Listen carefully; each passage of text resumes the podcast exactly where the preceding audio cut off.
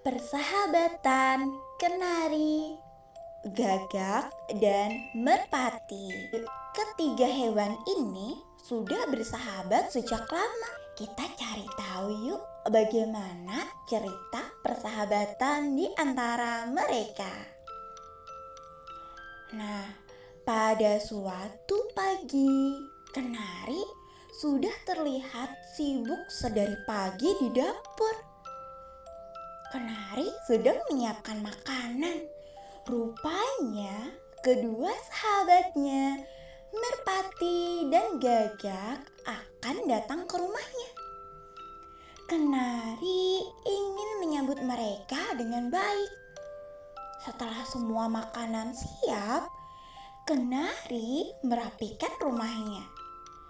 Menjelang siang, Merpati pun datang. Kenari menyambut Merpati dengan ramah. Ia mempersilahkan Merpati untuk langsung ke meja makan.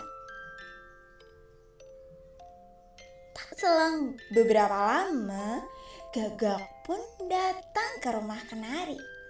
Ia pun disambut ramah oleh Kenari dan langsung ikut bergabung dengan Merpati. Mereka lalu menikmati jamuan makanan. Wah, Kenari, rumahmu sangat rapi. Puji Gagak saat melihat rumah Kenari yang memang sangat rapi. Kenari tersipu malu. Biasa saja kakak, aku selalu merapikannya setiap hari. Oh, pantas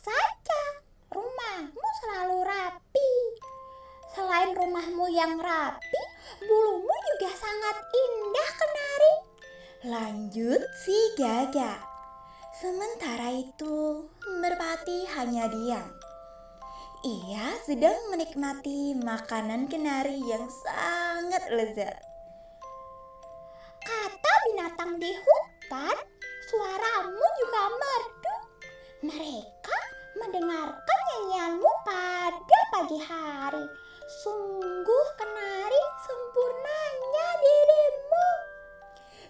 Gagak terus-menerus memuji kenari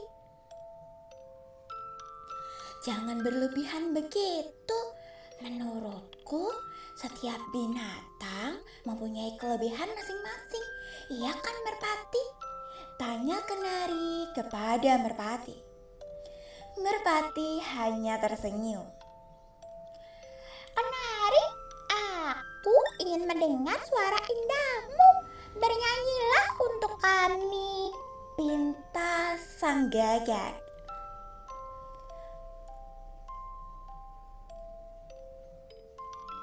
Mereka pun menghabiskan waktu dengan bernyanyi bersama-sama.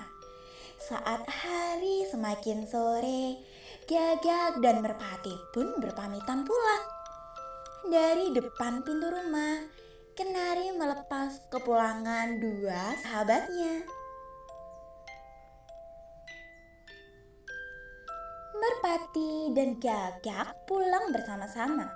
Di tengah perjalanan, Gagak membuka percakapan.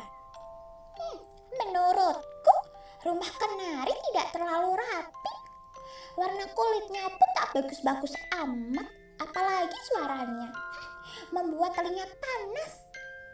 Ujar Gagak. Merpati hanya diam. Bagaimana menurutmu Merpati? Tanya si Gagak. Menurutku, rumah kenari memang rapi. Rumahku tak serapi rumahnya. Warna bulunya juga indah. Belum lagi suaranya sangat merdu. Jawab burung merpati. Oh lala, gagak menjadi sangat malu. Ternyata merpati tak suka dengan sikap gagak yang bermuka dua. Di depan kenari, gagak memuji-muji kenari. Sedangkan di belakang kenari, gagak justru menjelek-jelekan kenari. Merpati pun terbang meninggalkan gagak sendirian. Nah, sahabat dongeng, pesan moral dari cerita persahabatan gagak, kenari, dan merpati adalah Janganlah kawan, jangan seperti gagak yang suka memuji di depan tapi di belakang menjelekan.